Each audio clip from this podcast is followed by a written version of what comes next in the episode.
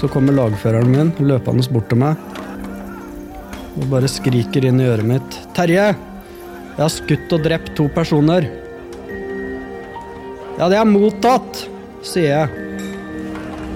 Våre historier, en podkastserie fra Forsvaret.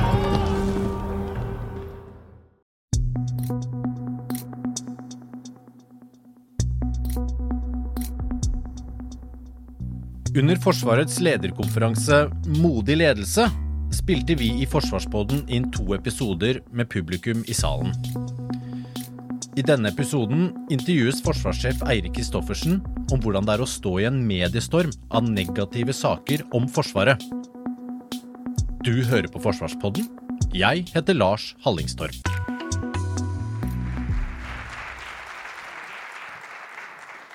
Ja, øh, sitter du bra? Jeg sitter bra. Ja. Har du det travelt om dagen? Altså, for, livet som forsvarssjef er en tilværelse. Det er ikke en jobb. Det, det går i sin eh, Det går liksom i ett. Fra, fra morgen til kveld og i helger med. Men, eh, men, det er ikke travelt. Det, det er mer som et, eh, en tilværelse. Og det, jeg må si at det var mer travelt å være leder på, på taktisk nivå i Forsvaret enn det å være forsvarssjef sånn, i forhold til stress. Mens her så er det på en måte det går i det jevne, og, og jobben jo, går jo aldri bort. Og hver kveld eh, når jeg legger meg, så det siste jeg ser, er jo den flammen på veteranmonumentet som minner oss over det ansvaret vi har når vi sender soldater ut på operasjoner, og, og som er en flamme til minne om de som har mista livet. Men hvordan har du det? Har du det bra? Jeg har det veldig bra. Eh, jeg har eh, får gjort det jeg skal. Jeg starter dagen med, med treningsøkt, og så får det bli som det blir etter det. Da føler jeg at jeg har gjort i hvert fall én ting i løpet av dagen som, som var fysisk, og som, ga, som er konkret. Hvordan går det med baking til jul? Er det noen sorter på gang? eller det... Jeg er veldig heldig. Jeg har ei, ei mor som er fortsatt er veldig sprek, eh, og som eh, baker enorme mengder med sorter. Og så eh, får jeg det her eh, før jul, og så, og så eh, ender jeg opp med at vi ikke spiste opp. Så jeg bruker å ta en runde i vakt her på Akershus og dele ut noen kaker underveis i, i romjula for å få, få spist opp det her før, før jula er over. Da. Men det, det er alle sortene og mer til. Ja. Altså, det er jo en grunn til at jeg spør om disse litt uh, lettere tinga. fordi um, jeg har litt lyst til å bli kjent med deg uh, bak, uh, bak, den uniformen og de fire stjernene på den gullstripa der. Altså, for eksempel, hva, er du vant til å bli kalt for Eirik i jobben, eller sier folk bare sjefen? egentlig? De fleste sier faktisk Eirik, og det setter jeg veldig pris på. jeg har aldri likt det der sjefen så veldig godt. Jeg syns heller ikke tittelen er rett, og etternavnet er veldig uvant. Så jeg liker veldig godt at folk kaller meg Eirik.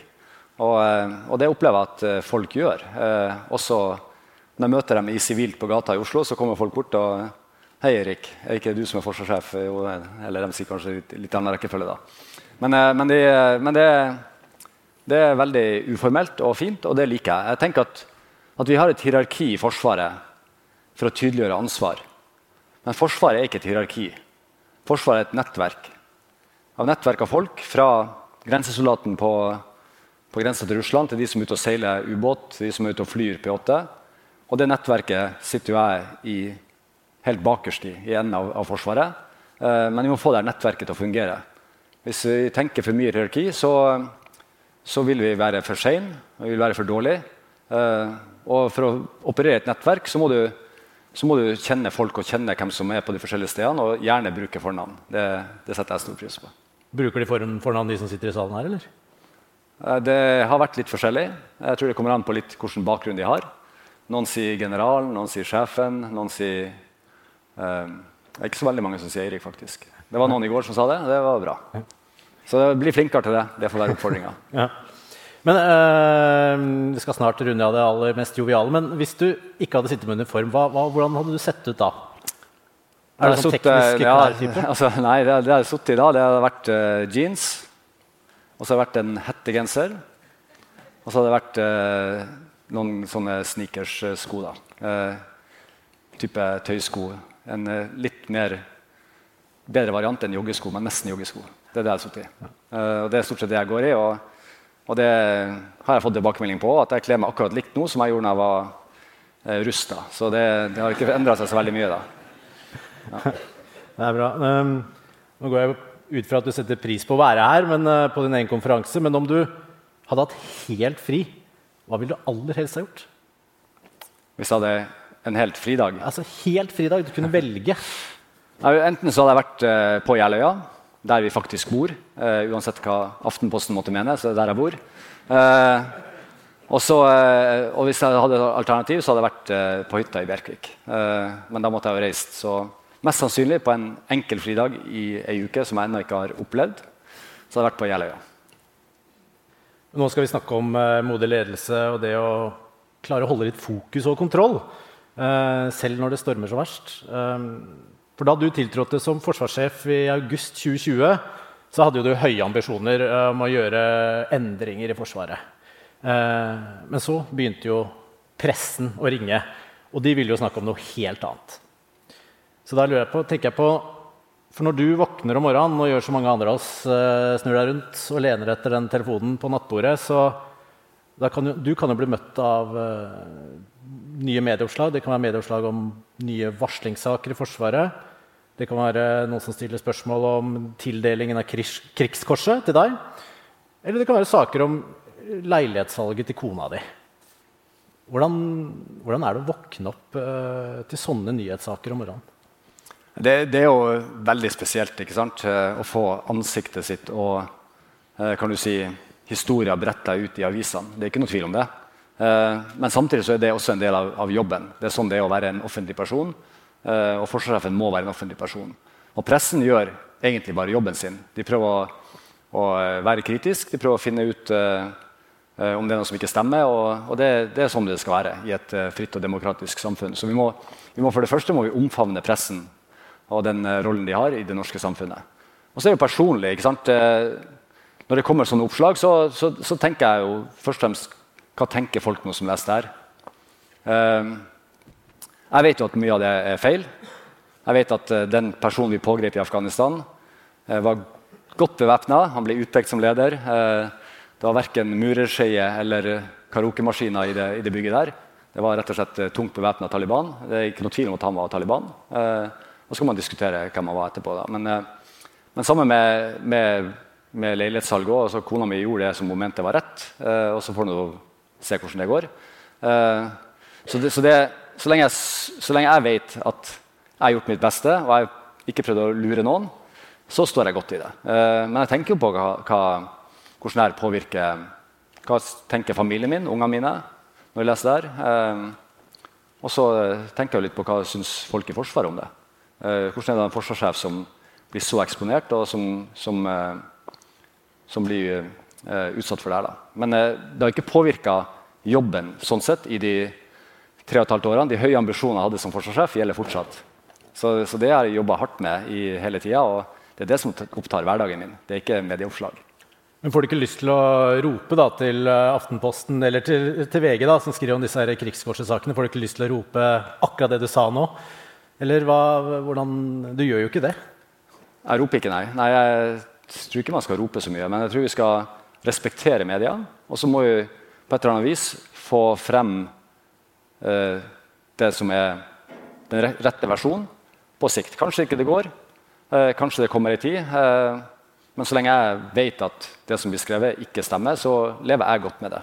Eh, og så er det ei tid for oss alle til å dyrke kritisk tenking. Eh, det er en tid for å, for, å, for å, gå bak nyhetene og finne ut hva er det for noe. Eh, stemmer? Eh, det, er det premisset som er lagt for, for saken, den rett? Det må vi gjøre på alle områder. fordi det er ikke noe tvil om at, at hvis vi ser bort fra mine saker, så, så, er, jo, så er påvirkningstrusselen etterretningstrusselen mot Norge er høy om dagen. Og, og, noe av det som skjer i, i forbindelse med krigen i Ukraina, er jo, er jo nettopp bruk av, av virkemidler som, som, er ment å skape uro eh, i andre deler av verden. Eh, for å få bort fokus fra den krigen som pågår der. Så, eh, så det, det, er tid for å tenke kritisk, og det tror jeg vi alle kan bli, kan bli, bedre på. For min egen del så har jeg blitt flinkere til det. Når jeg leser om andre offentlige personer, eh, det kan være en skandale i Nav, eller det kan være politikere som, eh, som eh, blir hengt ut, så har jeg opplagt blitt, blitt flinkere til å forstå at det er helt sikkert flere sider av denne saken her. Eh, og prøvd å navigere i det her eh, landskapet som, eh, som medieverdenen er. Da. Av de sakene jeg nevnte, så Hvem av disse sakene har vært vanskeligst for deg? Ja, det, det, merkeligste saken har vært den saken rundt uh, Linn Therese og at hun bodde på Bislett. Uh, og gjorde alt det pga. at hun er sjuk. Og fikk uh, ME i 2018. Og siden det så har livet vært prega av den sykdommen. og hun, har, hun kunne ha tjent mye mer penger på å leie ut leiligheter fra 2018. Vi kunne ha flytta sammen allerede da. Eh, men vi gjorde ikke det pga. at hun var syk. Og så blir hun dratt inn i det her. Ikke for at hun er en interessant person, det er jo for at jeg er det. Og så blir broren min dratt inn i det. Eh, og så eh, har de egentlig ikke noe med min jobb å gjøre, sånn sett, men de er en del av min nærmeste omgangskrets. og derfor blir de dratt inn i Det Det syns jeg har vært ubehagelig. da. Og, og, ikke for min egen del, men først og fremst for deres del. De fortjente ikke det her. Ja, for Hvordan snakker dere om det? Altså, det er jo din aller nærmeste familie som eh, dras inn i deg pga. din jobb. Altså, Broren min han er jo en uh, solid spesialsoldat i bunnen. Så han beskrev det her som, som å være på fisketur i Nord-Norge med klegg rundt ørene. Så du må fortsatt fiske, du må gjøre det du skal. Mediestøyet er bare en sånn klegg. da. Uh, men rett, saken var ikke retta mot han, den var retta mot Linn Therese. er Klart, for Hun har jo aldri bedt om å være i offentligheten. sånn sett. Eh, hun er nå sammen med meg og gift med meg og har ikke noe problem med at vi er sammen i offentligheten, men da er det jo for jeg, fordi jeg er forsvarssjef. Eh, det er ikke for at jeg verken er god musiker eller kjendis, på noe som helst annet område, men det er for at jeg har den rollen jeg har. Eh, så at hun skal bli dratt inn i det, det syns jeg er, er, rett og slett uh, ufint og urettferdig. Da du takka ja til å bli forsvarssjef, eh, hvordan så du for deg at denne jobben skulle være? Jeg gleda meg skikkelig. Og, eh, og når jeg ble intervjua den dagen jeg på, eh, gikk på, så spurte NRK hva er målet ditt. Og da sa jeg at det er et forsvar som virker organisert, likt i fred som i krise som i krig. Så jeg ønsker å endre Forsvaret. Og, og, det tar tid, men jeg mener at vi er på rett vei. Og det her starta jo lenge før meg. Det starta jo eh, snakk om Håkon Brun-Hansen sin endring av, av rollen til, til, det vi kalte grensjefer, som ble styrkesjefer. Da starta endringa med, med, at Forsvaret løser operasjoner hver eneste dag. Og Forsvaret driver kontinuerlig og forbedrer seg sjøl. Så få til denne kulturendringa som også Elisabeth Mikkelsen snakka om, der vi, er, der vi, er, i kontinuerlig endring. Og vi driver med kontinuerlige operasjoner. Og vi, vi trygger jo landet best med å drive operasjoner hver dag. Alt det vi gjør, gjør vi for å sikre freden. Og vi må gjøre det her som nasjon, vi må gjøre det sammen med allierte, eh, vi må gjøre det sammen med gode venner. Da. Og vi må, vi må gjøre det sammen med totalforsvaret. Ja, for det var det neste spørsmål om uh, hvordan da er det sammenlignet med, med, sånn som du så for deg at det skulle bli. Er det fremdeles uh, gøy? Ja, det er veldig gøy. Uh, jeg gleder meg til å gå på jobb, jobb hver dag. det gjør jeg. og den dagen det ikke skjer, så skal jeg begynne å tenke meg om. Det er klart det er dager som er verre enn andre. Det er noen dager der du tenker at ok, det her kommer til å bli eh, litt av et opplegg. Men, eh, hva slags dager er det? Nei, det er jo dager, det er typisk dager der så Hvis du tenker hva forsvarssjefen gjør, så, så, leder jeg jo Forsvaret. Det går fint. Det er veldig mange flinke folk som bidrar til det. Eh, Sjefforsvarsstaben, FOH, E-tjenesten Alle de folkene, alle dere, alle som er her, leder jo Forsvaret hver dag. De to andre rollene jeg har, er jo, er å holde kontakt med andre forsvarssjefer det også er veldig fint. Veldig hyggelig. Den tredje rollen jeg har, er å gi fagmilitære råd til politisk ledelse. Og Det er jo det som, er, det er det som kan, ofte kan være vanskelig. Da, for Du ender opp med å gi råd som kanskje ikke Du skjønner at det, det er ikke det her man har lyst til å høre. Da. Det er ofte litt dårlige nyheter. Eh, enten om økonomi eller om en hendelse. Så, så eh, når vi da skal gå i regjeringens sikkerhetsutvalg eller i eh, Stortinget og snakke om de tingene her, så eh, føler jeg det av og til som en sånn dårlig budbringer. Og, og det, det, kjenner jeg litt på, for jeg har veldig stor respekt for demokratiet. Jeg har veldig stor respekt for at vi er under, under, under god demokratisk kontroll. Og jeg har også stor respekt for politikere. Så, så det syns jeg er de dagene som jeg kjenner at det her, det her, her må jeg være veldig nøye med hva jeg sier og ikke sier. Eh, fordi at de må få de beste rådene som er mulig å, å, å gi. Da. Vi skal litt tilbake til disse mediesakene. For alt det faglige det har du jo spisskompetanse på. sant? Men eh, plutselig så står du der da, om å forholde deg til uh, enkeltpersoner som har opplevd veldig alvorlige hendelser på jobb eh, i Forsvaret, eller kanskje i førstegangstjeneste. Um, hva har det gjort med deg? Hva har du lært av disse sakene? I møte med de som har vært utsatt for overgrep i Forsvaret? Mm. Nei, jeg har lært at, eh, at, eh, Forsvaret Eller igjen lært at Forsvaret handler om folk. Vi sier at folkene er vår viktigste ressurs, og det stemmer. Det uten folkene våre så er vi ingenting. Og når da folk i Forsvaret blir behandla på en måte som er helt uakseptabelt, og i verste fall blir utsatt for overgrep, da har vi svikta. Derfor var det veldig lett for meg å si sommeren 2022 at det er en krise. Det er ikke en krise for uh, for omdømmet til Forsvaret. Det er det ikke. Det er ikke en krise for, for meg som forsvarssjef, men en krise for de folkene som blir utsatt for helt uakseptabel oppførsel og i verste fall overgrep. Det er de det er en krise for. Eh, det må vi aldri glemme. Vi får det omdømmet vi fortjener. Eh, vi får eh, også du si, den responsen fra den tilliten fra samfunnet som vi fortjener. Og da må vi ha orden i eget bo. Eh, og når vi ikke har det, da er det, en krise. Uh, den krisen står vi fortsatt. Og det må jeg være overtydelig på. Det er ikke over. Vi skal gjennomføre en ny undersøkelse om mobbing og seksuell trakassering i høsten 2024. Og jeg frykter at tallene ikke er gått så mye ned som vi ønsker. Fordi når jeg reiser rundt og snakker med forskjellige avdelinger, forskjellige fartøy, forskjellige flystasjoner, så spør jeg jo folk hvordan de har det. Hvordan har dere det egentlig? Og folk har det jo veldig fint. Og så forteller de meg om alt det de gjør for å motvirke mobbing og seksuell trakassering. Og så er det på en måte en oppfattelse fra meg om at det skjer ikke på Evenes. Det skjer ikke på GSV. Det skjer ikke på Krigsskolen. Det skjer ikke i Garden. Det skjer ikke ute på fartøyet i Kystvakta. Der skjer ingen steder. For alle jobber med det her. Men så viser tallene at det skjer overalt.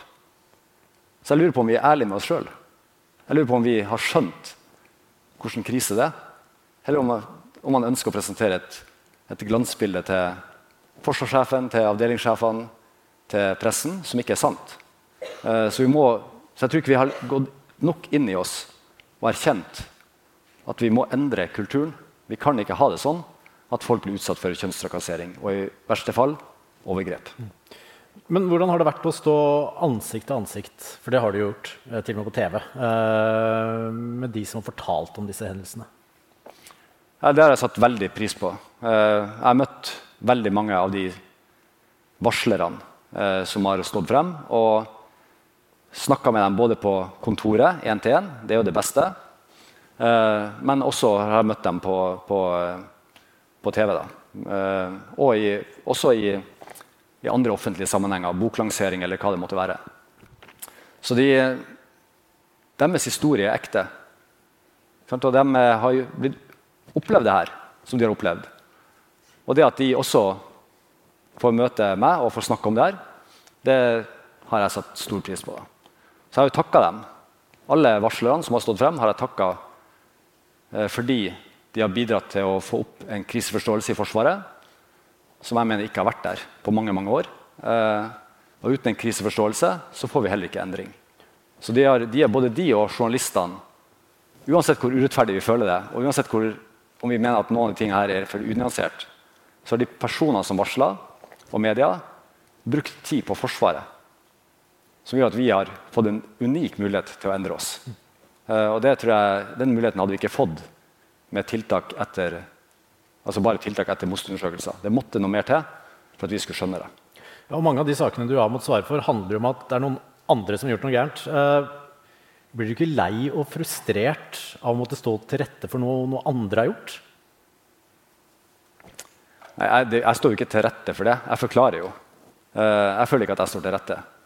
Eh, Når du blir grilla på Dagsrevyen, f.eks. Ja, det skulle jo bare mangle. Det skulle bare mangle at de ikke spør sjefen som ansvarlig for hele Forsvaret. For ansvaret ligger jo til slutt hos meg. Uh, men, uh, men det, er ikke, det, er jo ikke, jeg som har begått de her overgrepene. Så, så, man er jo ansvarlig for at det her ikke skal skje i Forsvaret.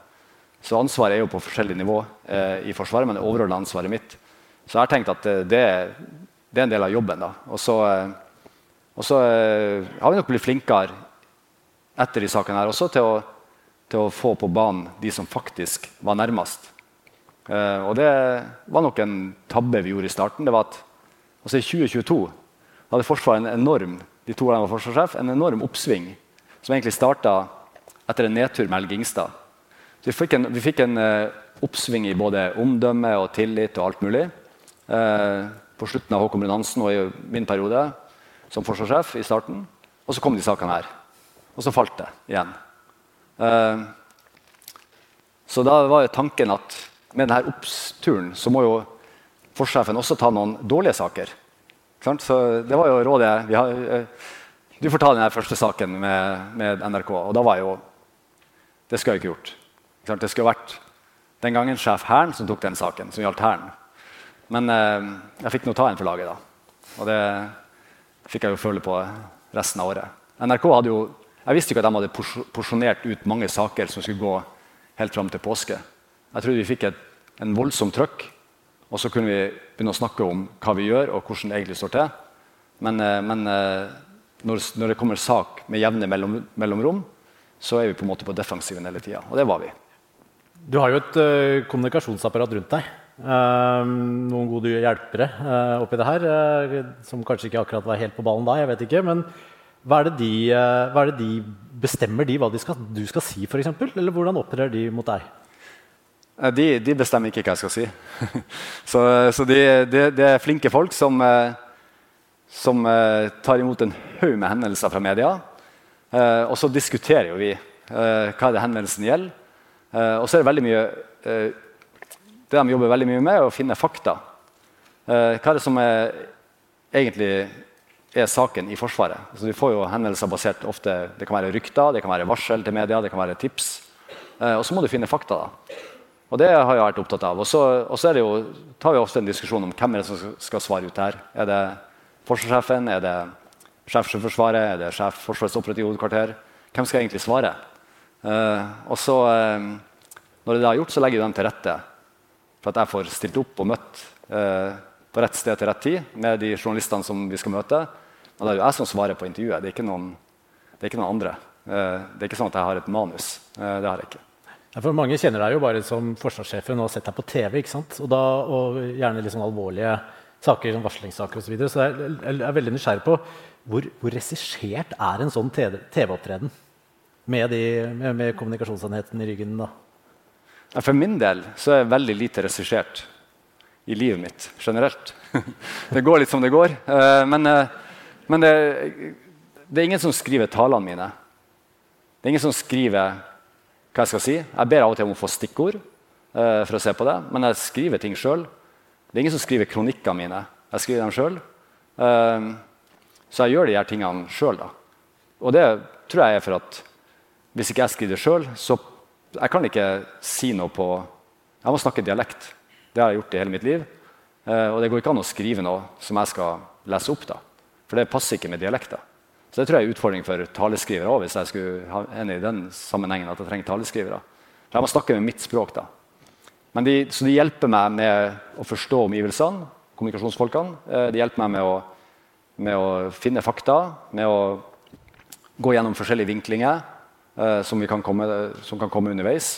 Og så sånn sett litt sånn makkertjeneste i å forberede, forberede intervjuet. Da. Så, eh, så det er Uten dem så hadde jo det her bare blitt helt kaos. Eh, fordi det er så mange henvendelser. Det er enormt med henvendelser til hva forskjellen skal være med på og ikke være med på. Men du lytter på råd? Jeg lytter veldig på råd. Eh, det, så det er et godt poeng. Eh, nei, jeg lytter veldig på råd. Og, det, og så er det sånn at det, hverdagen er jo fullt med alt mulig. Så du får ikke tid til å forberede deg så veldig mye. I forrige uke så hadde jeg fire forskjellige opptredener på ettermiddag og kveld med forskjellige foredrag. Jeg hadde ikke sjans til å forberede noe av det. Jeg måtte bare se på temaet, og så måtte jeg snakke. Eh, alt fra Riksrevisjonen til, til Nordnorsk lutefisklag. Det var liksom det spennet. da. Så, så da, da, får du temaet, og så må du snakke om det. Men, men eh, det går greit nå. Eh, jeg måtte forberede meg enda mer før, men etter tre år så, så kan du liksom jobbe med. Hvem er det du ringer av når du må øse ut litt frustrasjon? Lette litt på ventilen? Jeg ringer ikke til noen. Uh, men uh, unntatt hvis Linn Therese ikke er i nærheten. Da må jeg ringe til henne. Det, det er Linn Therese jeg snakker med, som er det nærmeste. Og så Når det kommer til jobben, så det, har jeg jo et team rundt meg. så der er det jo mange forskjellige. Sjefforsvarsstaben, Rune Wenneberg, Guttorm Bentdal, Øystein Kvarming i kommunikasjon. Det, det, er et godt team. Eh, det er ikke noe Og vi kan snakke sammen i, i plenum, eller vi kan snakke sammen én og én. Det, det, er liksom hvem som er tilgjengelig. Eh, det er veldig åpent i kan du si, Alt det forsvarssjefen jeg gjør, eh, er veldig åpent. Det, kalenderen min ligger åpent. Folk ser hva jeg skal gjøre til forskjellige tidspunkt. Amanda Berg snakka om åpen dør-policy i Garden. Det, det, er jo det vi har, vi òg. Men det er jo også internt så er det er, det er, et team som jobber sammen hele tida. Men jobben din som forsvarssjef altså, eh, Nå er det krig i Europa. Norge støtter eh, Ukraina. Og det rustes opp eh, både i øst og vest. Hvordan klarer du å holde fokus på det du skal gjøre da, når det til stadighet dukker opp nye mediesaker? Altså, du snakka om broren din som sa at det var som å fiske i Nord-Norge. og det var klegg hele tida. Jeg skriver det er som å gå på stram line og noen står og bombarderer deg med snøballer. Altså, du skal fram et sted, men det er masse forstyrrelser. Hvordan, hvordan, klarer du å Det kan jo være tips til de som sitter i salen her. Altså, hvordan eh, klarer du å holde fokus? Det, handler om å ha perspektiv. da. Hvilket perspektiv har vi på ting? Eh, hva er det som er viktigst? Og Hver gang jeg har det travelt, og syns jeg har det travelt, så er det bare å tenke på eh, general Valerij Salusjnyj, som er forsvarssjef i Ukraina. Han har det travelt. Han er seriøst opptatt. Jeg har det ikke travelt. Det er fred i Norge. Ting går sin gang. Men det, som, eh, det du er inne på, er, jo at er de store endringene som skjer om dagen. Den største eksistensielle trusselen mot oss er faktisk klima og miljø. Eh, det er det som skjer med endring i naturen, som kommer til å påvirke generasjoner fremover. Det andre er at man bruker, snakker om atomvåpen på nytt i 2023. Atomvåpenopprustninga Eh, foregår for fullt. Kina ruster opp med atomvåpen. Avtalen om nedrustning mellom USA og Russland er stort sett borte. Eh, det er to eksistensielle trusler. Og Samtidig så er det som vi vet, det er krig i Ukraina, det er krig i Midtøsten. Alle problemene i Sahel er ikke borte. De er der tvert imot. De har blomstra opp. Eh, forsvaret står i, i i en situasjon der verden er prega av usikkerhet. Og Derfor kalte jeg også det fagmilitære rådet for 'trygghet i usikre tider'. Det, det, er store ting som skjer rundt oss, som vi må være forberedt på, på å eh, forsvare oss mot. Eh, både hindre at det blir krig, men også kunne forsvare oss hvis det kreves. Um, så lurer jeg på vi, eh, nå blir det litt hoppete, men vi prøver. Altså, uh, vi snakker, har snakka litt om dette med media og mediepress. Mm. Uh, er det noe man kan lære seg? Altså, jeg tenker på de som sitter i salen her, da, som ja. har lyst til å bli ledere. Kan man, kan man liksom lære seg å takle det? Ja, det tenker jeg. Det tror jeg Det er bare å kaste seg ut i det. Altså, jeg oppfordrer alle i Forsvaret til å snakke med media. Snakk med lokale medier, skriv kronikker. Bruk den ytringsfriheten vi har i Norge, for det er det verdt. Så Vi har alle ytringsfrihet. Jeg føler at jeg også har en ytringsplikt. da. Det, forventes at jeg skal si noe. Eh, men den friheten skal vi bruke for det den er verdt. Vi skal komme frem med våre synspunkt. Vi skal oppfordre til, debatt. Vi skal fortelle om det vi gjør. Eh, fordi Hvis vi ikke forteller det, så blir de historiene glemt. Eh, så vi må fortelle om alt vi gjør, når vi får anledning. Så ofte som mulig. Og det, det er et ønske for meg at fra den yngste vernepliktige den mest hardbarka eldre sersjantmajoren eller, eller eh, eh, pensjonerte offiseren skal delta i det her og bruke ytringsfriheten og fortelle om Forsvaret på godt og vondt. Så det oppfordrer jeg sterkt til. Hvis alle de kan være kommunikasjonsfolk da har vi kommet langt. Et siste spørsmål, Eirik. Da du sa ja til å være forsvarssjef, hadde du sagt ja til jobben nå om du visste det var en sånn mediestorm du skulle inn i? Ja, ja, ja. Jeg hadde sagt ja til jobben i dag òg. Jeg hadde sagt ja til jobben eh, selv om Hvis du tenker at jeg ser tilbake på hvordan det har vært. Ja, det har ikke vært eh, Det, har vært, det som har, det som har overraska meg mest i jobben, er jo at Russland gikk til krig på Ukraina. Ikke at det kom veldig mange mediesaker, eh, for det var jeg forberedt på. Men at, eh, at, det skulle bli krig i Europa i den tida jeg var forsvarssjef eh, at vi skulle stå i en så stor operasjon som vi står i nå, med å støtte Ukraina, eh, det hadde ikke jeg sett for meg skulle skje. Og det viser jo også at vi alle sammen må være klar over at fremtida blir aldri som vi har planlagt. Ting kommer til å endre seg. Ting kommer til å endre seg i Forsvaret neste år. Det kommer til å endre seg i 2025. Verden kommer til å endre seg, og vi må henge med på endringer. Hvis vi ikke gjør det, da havner vi bakpå. Så eh, jeg hadde definitivt sagt ja til å være forsjef eh, hvis noen spurte meg om jeg ville bli det i dag, eh, selv med det jeg vet de siste tre og et halvt årene. Så bra. Tusen takk skal du ha. Takk skal du ha.